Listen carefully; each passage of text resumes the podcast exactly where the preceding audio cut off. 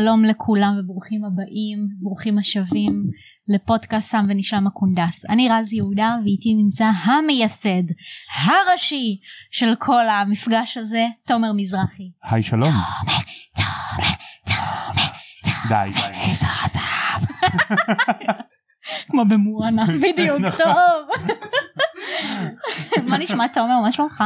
בסדר גמור. איך אה, זה להיות הפעם במיקרופון השני? האמת שממש כיף. אני אוהב לראות אותך איך שאת ככה מארחת.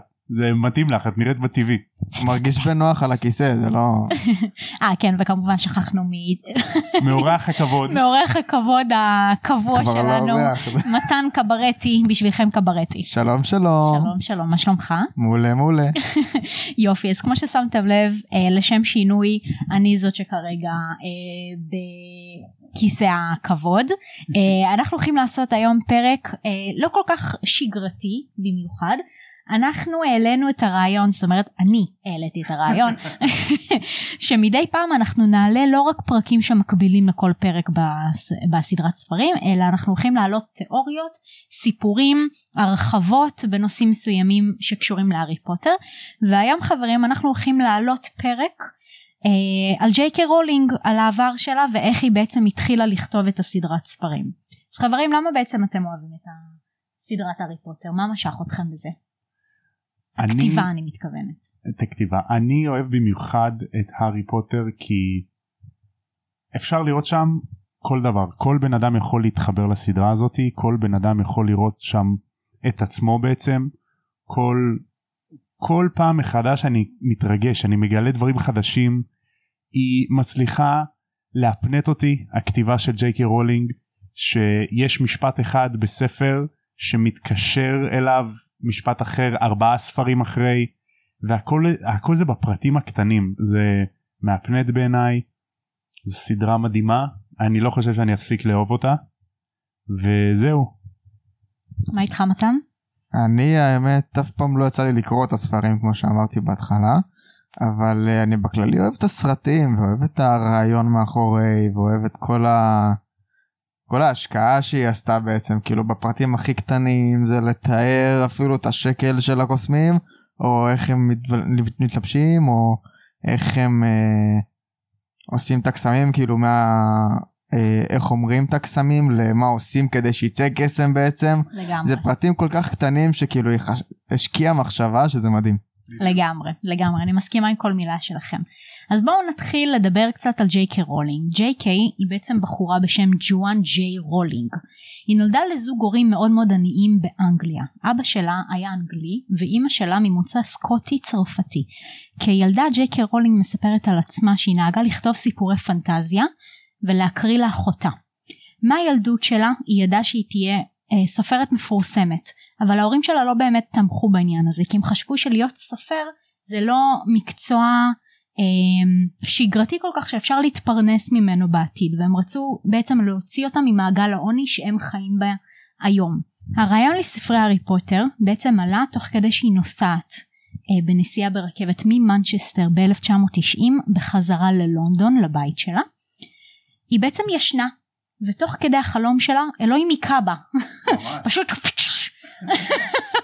הוא פשוט היכה בה את הארי פוטר מההתחלה ועד הסוף.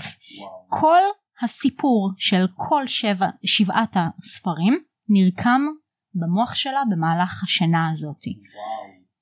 לצערה של ג'יי קיי רולינג היא שכחה לקחת כלי כתיבה לנסיעה הזאת ולשכתב את החלום שלה בעצם אז אחרי ארבע שעות ברגע שהיא הגיעה לבית שלה היא העלתה את הכל על דף בראשי פרקים את כל העלילה מההתחלה ועד הסוף. היא כבר אז בקטע ממש מוזר היא ידעה שהולכים להיות שבעה ספרים. היא ידעה על מה כל ספר ידבר ובעצם כל ספר הולך להתמקד בשנה של לימודים בבית ספר לקוסמים והיא ידעה גם מאז שהשם של הגיבור הולך להיות הארי פוטר. הארי בעצם היה השם האהוב עליה של בנים ופוטר הייתה ופוטר היה השם משפחה של המשפחה שגרה בזמנו לידה בבית הצמוד. בדצמבר באותה שנה שזה בערך היה חצי שנה לאחר מכן אימא שלה נפטרה בגיל מאוד מאוד צעיר ממחלה שנקראת טרשת נפוצה. זאת מחלה כרונית שמתמקדת במערכת העצבים ובעצם הורסת אותו לאט לאט. אחרי עשר שנים שאימא שלה נאבקה במחלה הזאת, היא, היא נפטרה. המוות שלה השפיע מאוד על הכתיבה שלה. נגיד לדוגמה הסוהרסונים בספר השלישי הם משמשים כמטאפורה לדיכאון שלה לאחר, לאחר המוות של אימא שלה. ואימא שלה היא בכלל לא ידעה שהיא כותבת את הספרים האלה. לא היה לה מושג עד בעצם היום. רולינג עברה לאחר המוות של אימא שלה לפורטוגל להתחיל חיים חדשים ולנסות קצת להשכיח את הכאב שלה. היא התחתנה וילדה את בתה. אך הנישואים שלה החזיקו רק 13 חודשים עד שהם התגרשו. היא עברה עם הבת שלה לסקוטלנד ובעצם היא חיה במשך כמה שנים מקצבת רווחה בלבד. היא לא הייתה עובדת ובזמן הזה היא יכלה לנצל את הזמן הפנוי שלה לכתוב את הספר הראשון. היא הייתה לוקחת את הבת שלה בתוך עגלה לבית קפה אה, קרוב לבית שלה באותה שכונה. הבת שלה הייתה ישנה ובזמן שהיא כותבת את הספר. היא מספרת בראיונות שהיא הייתה כל כך ענייה שזה מה שהוביל אותה לפחדים ולדיכאון עד מחשבות אובדניות. תחשבו רגע משהו. כל דבר שאנחנו עושים בחיים שלנו משנה את העתיד. כל דבר מחליט משהו גורלי על החיים שלך ועל החיים של האנשים שסובבים אותך. תחשבו שהיא אם היא הייתה כל כך בדיכאון והיא הייתה חושבת מחשבות אובדניות היא הייתה יכולה להתאבד. ואף אחד מאיתנו לא היה פה היום ממש. זאת אומרת לא היינו יוצרים את הפודקאסט הזה אף אחד לא היה מכיר בכלל הארי פוטר. אילולא אם היא הייתה לוקחת את החיים שלה אז לא היינו זוכים בדבר הנפלא הזה שזה הארי פוטר. כמה כמה חשוב הלהיאבק הזה כי את לא יכולה לדעת איזה אימפקט יהיה לך על החיים בעתיד. לגמרי אני חושבת שבאיזשהו מקום הסדרת ספרים שלה הצילו הרבה ילדים קטנים. זה פשוט הזוי כמה... זה לא רק הרבה ילדים קטנים, היא שינתה הרבה דברים מעבר, זה פרנסה לעוד מלא אנשים גם, תחשבי נכון. על זה ככה, כל הדברים שנפתחו בעקבות הארי פוטר, כל המוצרים שיצאו, נכון. זה שינוי כאילו מטורף. לגמרי. תחשבו שעל כל דבר שיש לו את הלוגו של הארי פוטר היא התפרנסה ממנו. בדיוק. כאילו כל דבר קטן אפילו מחזיק מפתחות כאילו מי, מי, מי חשב לעצמו שהיא תרוויח ממשהו כזה בכלל. אה, ג'יי קי רולינג היא ידעה שהיא נחשבת ככישלון לפי כל הסטנדרטים שהחברה באותו הזמן שופטת בני אדם. אבל היא בעצם האמינה בעצמה והיא ידעה שהדבר הכי טוב שהיא יכולה לעשות זה לספר סיפורים. ברגע שהיא סיימה לכתוב את הספר הראשון, לא יודעת אם אתם יודעים, היא שלחה את הסקיצה של הספר ל-12 הוצאות לאור שכל אחת מהן דחתה אותה. עכשיו בתכלס כל אדם ממוצע היה אני חושבת מח, מחדיר את הזנב שלו בין הרגליים ופשוט הולך אחורה. נכון ולמה אבל למה דחו אותה? כי אמרו שזה ספר שלא מספיק מעניין. לא מספיק מעניין? כן. אוקיי הבנתי. טעו. ההוצאה לאור ה-13 שהיא אה, שלחה את הסקיצה שלה זאת אומרת היא לא ויתרה עד שיגידו לה כן. הוצאה לאור בשם בלומסברי היא שילמה לה אה, 2,500 לירת סטרלינג עבור הספר מה שהיה בשבילה המון המון כסף. זה היה ההוצאה אה, לאור הראשונה שבאמת הסכימה לקבל. עכשיו אתם יודעים איך בעצם ההוצאה לאור הזאת קיבלה אותה ולמה דווקא היא? איך? יודע? תומר אתה יודע נכון? אתה רוצה לספר? אמ, אז זה קרה ככה. המנהל הראשי של ההוצאה לאור קיבל את הספר הזה הביתה הוא לקח אותו הביתה כדי לעבור עליו. והוא בדרך כלל היה נותן חלק מהספרים שהגיעו אליו כבקשה להוצאה לאור לבת שלו אם זה היה ספרי ילדים כדי שהיא תעבור עליהם תסתכל עליהם. הבת שלו לקחה את זה בתחילת הסופש בסוף הסופש ביום ראשון היא ירדה מהחדר שלה אחרי שהיא סיימה את הספר הראשון ואמרה אבא זה הספר הכי טוב שהבאת לי עד עכשיו. וואו. וזה למה הוא הסכים אה, לקדם את התהליך עם ג'קי רולינג בזכות הבת שלו. האמת שזה סיפור מרגש תחשבו שהוא לא היה מביא את הספר הזה לבת שלו וכאילו יש מצב שהיא הייתה באמת עם הזמן פשוט מוותרת לעצמה. ממש. האמת שזה סיפור ממש מדהים כאילו איך זה שאשכרה ילדה קידמה את הספר לגמרי. הזה מאפס למקום עצום כאילו. לגמרי. נכון. עכשיו אני לא יודעת מה השם של הילדה ובת כמה היא הייתה אבל בזכותה יש מצב שיש לנו היום הארי פוטר. זה, זה, זה הזוי לחשוב על זה שילדה אחת פשוט החליטה את הגורל שלה, ממש. העתיד שלה. עכשיו ברגע שההוצאה לאור אמרה לג'יי קי רולינג שאפשר באמת לגשת לפרסום הספר הזה הם אמרו לה שזה סיפור מאוד מאוד עצוב אבל אין מה לעשות בשנות התשעים ככה זה היה הם אמרו לה שכנראה אף אחד לא יקנה ספר שאישה רשמה אותו. זאת אומרת הם אמרו לה תשני את השם שלך או תכתבי ראשי תיבות או משהו כדי שכולם יחשבו שזה גבר. ואז ככה לאף אחד לא תהיה בעיה לקנות את הספר הזה. לכן היא נקראת ג'יי קיי רולינג ג'יי על שם ג'ואן השם הפרטי שלה. קיי זה על שם הסבתא שלה קתלין. שלמרות שזה לא חלק מהשם שלה היא החליטה להוסיף את זה כדי שייתן קצת אה, סאונד של גבר לשם שלה.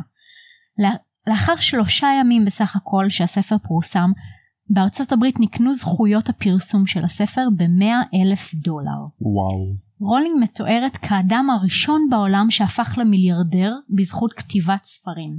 היא ממוקמת במקום ה-13 ברשימת הנשים העשירות ביותר בבריטניה.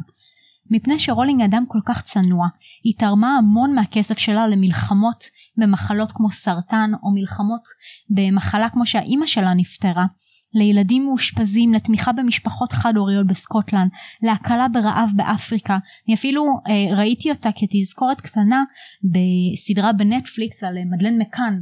ש... באמת? כן, שההורים שלה אה, בעצם איבדו את הבת שלהם אפשר להגיד בחופשה שהייתה להם ב...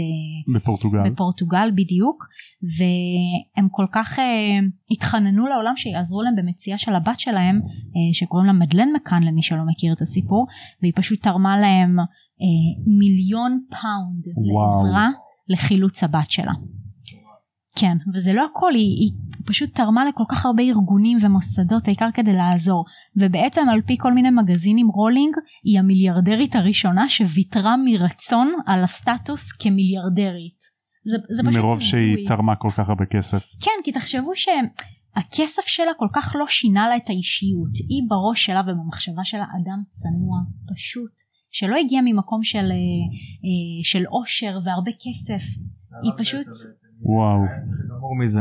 לגמרי, לגמרי פשוט ההפך מזה והיא החליטה שבמקום לקחת את הכסף וליהנות ממנו פשוט החליטה לעזור לאנשים שהיו בדיוק במצב שלה שאין, לה, שאין להם כסף ותחשבו איזה שינוי זה בחיים שלה בסך הכל בשנה אחת בזמן שהיא כתבה את הארי פוטר הספר הראשון מלהיות ענייה לגמרי שהיא קיבלה כסף משירות הרווחה ממש להיות מיליארדרית אתם קולטים את הסדר גודל הזה בכלל? נכון זה גם ממש אומר משהו על האופי שלה בתור בן אדם איך שהיא לא נותנת לאושר הזה לעלות לה לראש והיא עדיין נשארת צנועה.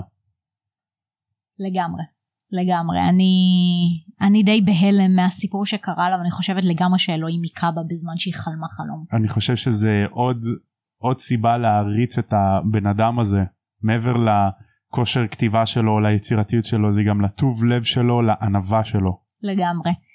עד כה הפרק שלנו ג'יי קיי רולינג אנחנו מאוד מקווים שאהבתם והתרשמתם ולמדתם הרבה דברים חדשים על הסופרת הכה מדהימה הזאתי והגאונה הזאתי שנקראת ג'יי קיי רולינג. אני בדוק למדתי. לגמרי האמת שגם אני ברגע שהכנתי את הפרק הזה אמ, והאמת שבואו אני אספר לכם סיפור כל הסיפור על ג'יי קיי רולינג אני למדתי ממדריכה באנגליה שאני הייתי לפני שנתיים בסיור בלונדון אמ, זה סיור שפשוט מנוהל על ידי מישהי שהיא מעריצת ארי פוטר אחו שרמוטה. סליחה על הקללות. מעריצה אבל... ממש שרופה. לגמרי מעריצה שרופה היא אנגליה מן הסתם כן. והיא לוקחת סיור על עצמה בלי תשלום היא אומרת כאילו כל אחד כל המעריצים של הארי פוטר שיבואו אחריי אם אהבתם לא אהבתם תשאירו טיפים וזה אבל זה, זה פשוט בלי תשלום. מרצונה הטוב היא עושה את הסיור הזה. לגמרי. עכשיו זה היה סיור כל כך מגניב אני הייתי עם כל המשפחה שלי אה, שגם אימא שלי לצורך העניין שלא קראה ולא הכירה הארי פוטר מעולם ממש התאהבה בקונספט של הדבר הזה כי היא פשוט סיפרה לנו על הארי פוטר מהנקודת מבט שלה למה היא אוהבת בעצם את ג'יי קיי רולינג ואת הכתיבה שלה וכמה היא הצילה אותה מהרבה אה, מקומות שהגיעה אליהם בחיים שלה וואו. ובעצם הסיור הזה היה אה, סיור ברחבי לונדון במקומות שהיוו השראה לדברים שג'יי קיי רולינג כתבה אה, בהארי פוטר. כל מיני אתרים כאלה. לגמרי. לצורך העניין היינו באיזשהו רחוב צדדי כזה שאף אחד לא מכיר אותו, אני לא זוכרת את השם שלו, שהוא היווה השראה לסמטת דיאגון. נכון. ופשוט אתם הולכים שם ואתם אשכרה חושבים שאתם נמצאים בתוך הסרט. ממש. זה פשוט הזוי. או שהיינו אה, ליד... ברח- ברחוב עם התא טלפון מהסרט החמישי, הכניסה למשרד. הקסמים. נכון נכון נכון היינו שם וגם צילמתי תמונה אנחנו נעלה מאוחר יותר כן. אה, בקבוצה שלנו בפייסבוק ובאינסטגרם. היית בגרינגוטס? הייתי בגרינגוטס האמת שזה נורא מצחיק כי בדיוק באתי לספר על זה גרינגוטס לצורך העניין ההשראה לרעיון איך לבנות את גרינגוטס הגיעה מהארכיטקטורה והאדריכלות של המבנה של שגרירות דרום אפריקה בלונדון. עכשיו אנחנו גם נעלה תמונה של זה מאוחר יותר בקבוצות שלנו אבל אתם פשוט תראו את גרינגוטס באמצע לונדון כאילו זה, זה פשוט מטורף כמה היא לקחה השראה מדברים כל כך קטנים ומינוריים שאף אחד לא שם לב אליהם ברגע שהולכים ברחוב. ואיך שזה בסוף נהיה מראה אייקוני. בדיוק בדיוק אז באמת הסיור הזה שהיה לנו בלונדון אה, הוא היה סביב ג'יי קיי רולינג ושם אני התאהבתי בסיפור שלה אה, ואיך היא הגיעה למקום שהיא היום נמצאת בו. אז תודה רבה לכם ששמעתם את הפרק שלנו ובפרק הבא שאנחנו נעלה יהיה פרק רגיל על פרק מהארי פוטר. אז תודה רבה לכם ותודה רבה לכם תומר ו... ומתן שהצטרפתם אלינו. תודה רבה לכם שערכתם עוד פעם בפעם מי יודע כמה. שלא יימאס לך מאיתנו מתן. תודה רבה לך ש... תודה רבה לך שאירחת אותנו. אני מקווה שנהנית להיות המנחה. האמת שכן לשם שינוי מאוד. תודה רבה לכם להתראות. עד כאן תם ונשלם הקונדס.